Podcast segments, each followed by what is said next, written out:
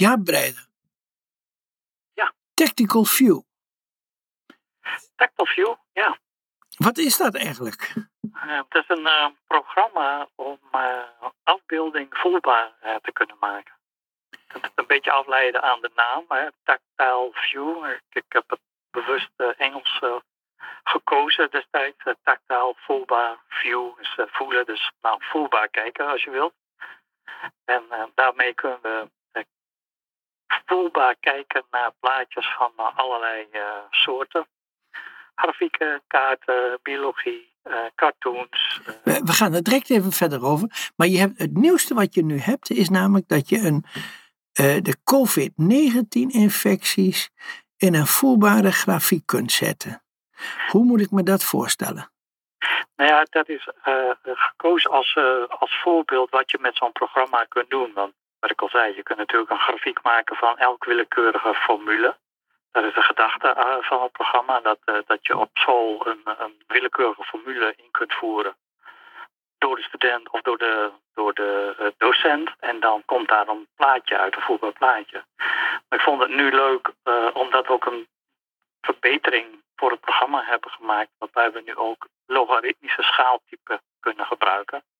Uh, om dat met een COVID-grafiek te doen. En dat is nu natuurlijk wel heel actueel ik wist niet dat dat uh, zo actueel zou worden met een nieuwe variant, maar um, een, een uh, COVID-grafiek is een grafiek waarin je op de x-as het aantal dagen hebt staan. Van 0 tot 28 hebben wij uh, gekozen. En dan kies je een bepaald reproductiegetal. En ik had 1.3 gekozen. En dan ja, heb je een aantal geïnfecteerde patiënten op dag 1. En dan kun je zien wat het resultaat is uh, na verloop van tijd. En een voorbeeld, voordeel van een logaritmische uh, schaal is dat je eigenlijk minder ruimte nodig hebt. Even als voorbeeld, als je de 1.3 en begin aantal van 1000 kiest, dan zit je na 18 dagen al meer dan 100.000 geïnfecteerde uh, personen. Dat is natuurlijk voorstelbaar veel. Maar dat, dat neemt niet exponentieel toe, uh, of hoe heet dat precies? Ja? Nou, dat logaritmisch is exponentieel, ja. uh, maar dat kun je heel moeilijk voorstellen. Omdat je normaal gesproken, stel dat je voor een grafiek van, van 0 tot 100.000, dan zou je zeg maar dat nou ja, in vakjes van 10 indelen. En dan heb je Stel dat elk vakje dan 2 centimeter hoog zou moeten zijn. Dus dan heb je al gauw 20 centimeter nodig om die grafiek ook nou ja, goed voelbaar te kunnen maken. En door dat uh, exponentieel te maken, krijg je eigenlijk een vakje van 0, 10, 100.000. En dan met name in dat laatste stuk, uh, ja, daar uh, nemen de aantallen natuurlijk heel hard toe. Dat begint een beetje te lijken op van uh, uh, je hebt statistieken, je hebt leugens. Uh, want, is dat voor een leek nog wel inzichtbaar? Ehm, nou, met de uitleg erbij denk ik wel, ja. Oké. Okay. Want het gaat er juist om dat je zo'n grafiek. Kijk, als, je, als ik jou vertel van na 18 dagen hebben we 100.000 patiënten, ja, dat is wel veel. maar op het moment dat je je daar echt bewust van bent en zo'n grafiek nog eens een keer gaat uh, betasten en letterlijk op je in laat werken, dan denk ik dat dat een betere, een, een diepgaandere ja, indruk maakt. Ja, van de andere kant is wel zo, van als ik een statistiek eh, krijg en, en een lijn die loopt redelijk horizontaal en die gaat in één keer uh, verticaal omhoog, dan zie ik wel van nou dat stijgt wel heel erg snel. Ja. Maar als je dan een, als je die lijn dus afvlakt, dan lijkt het alsof het niet, niet, niet zoveel stijgt. Nou, in, in deze logaritmische uh, functie loopt die uh, uh, rechtdoor naar behoorlijk stijl omhoog. Oh, toch wel? Ja, ja, ja. ja. En dat is één rechte lijn in feite. En dat is het. Het, dat is nou precies het aspect van logaritmisch. Want je ver, vermenigvuldigt eigenlijk 1,3 keer 1,3 keer 1,3 enzovoort. En dat elke dag is dan één keer extra. en daarmee heb je steeds dezelfde vermenigvuldigingsfactor. En omdat dan die i-schaal logaritmisch is, wordt dat als het ware weer ingedrukt. om, en die, dan wordt de schaal recht. de, de grafiek wordt dan recht. dat, dat is een beetje de manier hoe het eruit ziet. Je neemt, je neemt mij niet kwalijk dat ik het niet helemaal snap. is jammer, dan moet ik beter mijn best doen als docent. nou ja. maar, maar eventjes over van, het is natuurlijk fantastisch dat, uh, uh, dat blinden toch bepaalde dingen kunnen voelen, uh, wat anderen zien. Ja. En hoe ben je daar eigenlijk mee begonnen om zoiets te doen?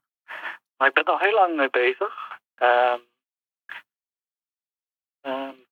twaalf jaar geleden of zo, dertien jaar geleden inmiddels misschien wel. Uh, toen kwam ik tot het idee van, goh, er, zijn uh, eigenlijk best heel veel brailleprinters al uh, verkocht in de wereld. En die worden alleen maar gebruikt voor teksten, voor braille teksten. Toen dacht ik van, oh, volgens mij moet je met die puntjes meer kunnen doen.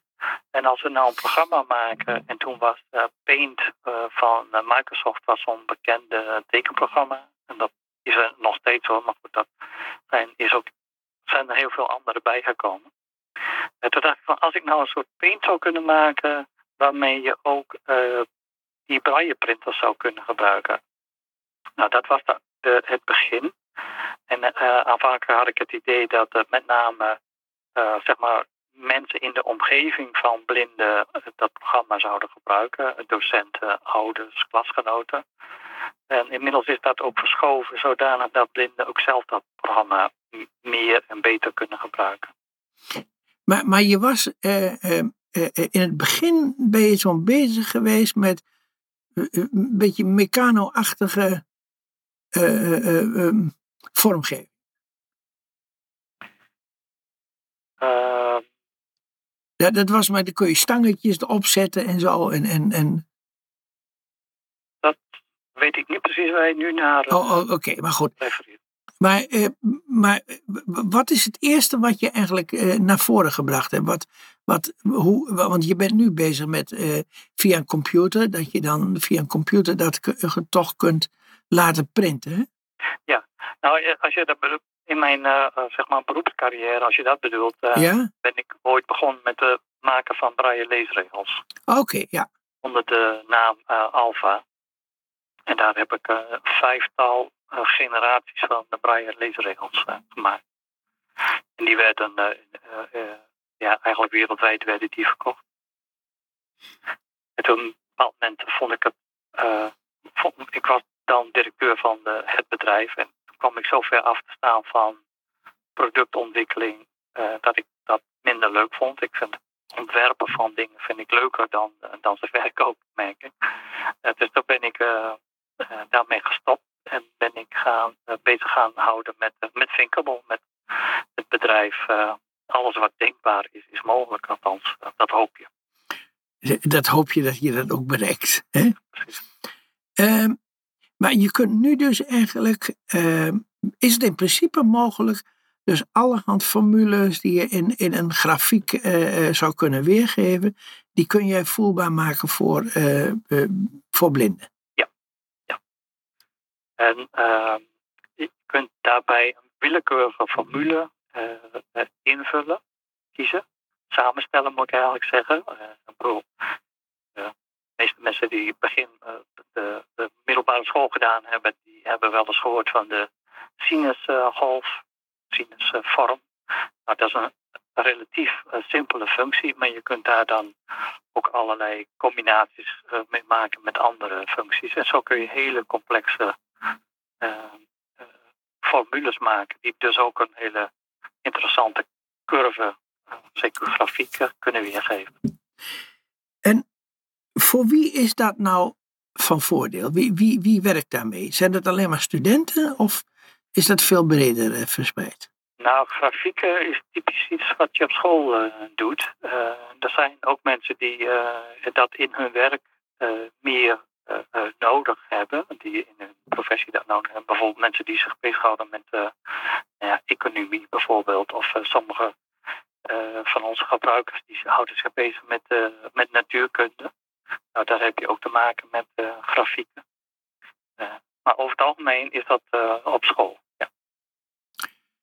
En Dan moet je denken vanaf, nou ja, de eindlagere school, eindbasisschool tot en met de universiteit. En is er inmiddels een goede boterham mee te verdienen? Want dat is natuurlijk ook een, ja, het is misschien wel een Nederlandse vraag, maar toch eh, eh, is dat van belang om het ook eh, voor te laten bestaan. Nou ja, eh, zoals je hebt gehoord, eh, doe ik dit al een paar jaar. En dat zegt genoeg dat je er in ieder geval van kunt leven. Ja. Ja. Ik, ik, ik weet, jij, doet dat ook samen met je vrouw, geloof ik, hè? Nou, mijn vrouw die helpt mee, die doet de boekhouding. En eh, die gebruik ik ook wel als, de sparringspartner van, dan zou ik het zo doen, dan zou ik het zo doen. Maar die heeft in die zin eh, eh, niet een, zeg maar een ontwikkel eh, aandeel in, in de producten. Want die doet ook, het helpt mee als we webinars geven of die gaat ook wel eens mee naar beurzen, demonstraties. die doet eigenlijk heel veel ja, aspecten van, helpt die mee. ja. Ja, Oké. echt blij mee moet zeggen. Heb je verder nog toekomstplannen? Ehm, nou, we hebben op 1 oktober een nieuwe versie uitgebracht. Ehm, en dat hebben we in eerste instantie gedaan voor alleen degenen die eh, in aanmerking kwamen voor een eh, upgrade. Wa- Wacht even, een versie van, De software, sorry. ja, van software. En die software die heet, Tactile View. da- die heet Tactile View. Oké. En ehm, dan gaan we deze week of volgende week eh, wordt het waarschijnlijk een versie van eh, uitbrengen die voor iedereen eh, beschikbaar is. En die dan gedownload kan worden vanaf de website en uitgeprobeerd. Dus dat is één ding.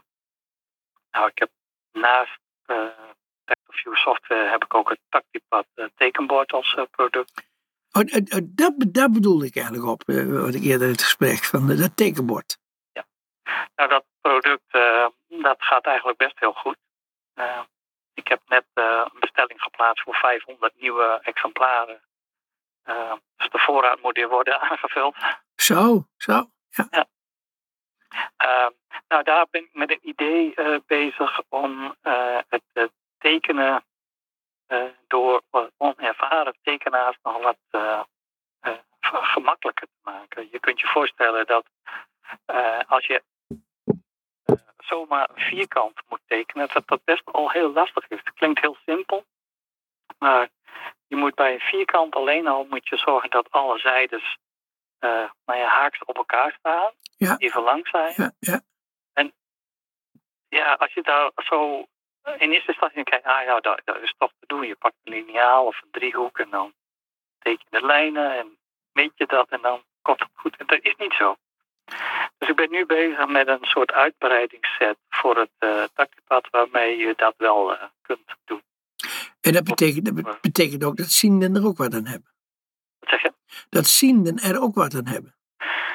Um, nou ja, ook, uh, kijk, als je in het tactipad is ook typisch weer zo'n product wat heel veel in het onderwijs gebruikt wordt.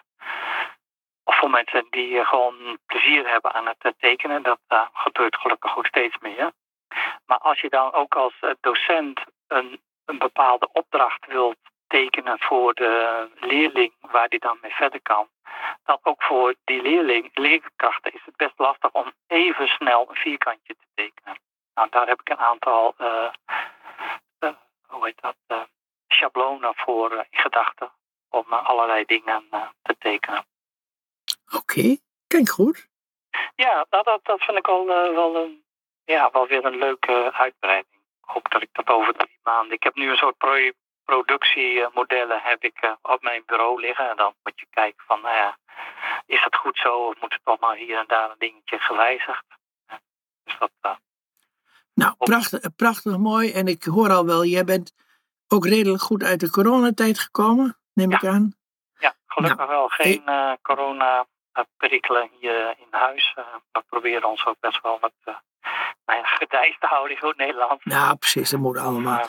Ik, uh, ik, ik, ik, ik, moet je hartelijk danken voor dit, uh, voor dit interview en, uh, en ik wens je veel succes. Dankjewel, uh, Jos. En we spreken elkaar vast nog wel. Vast wel. Goed.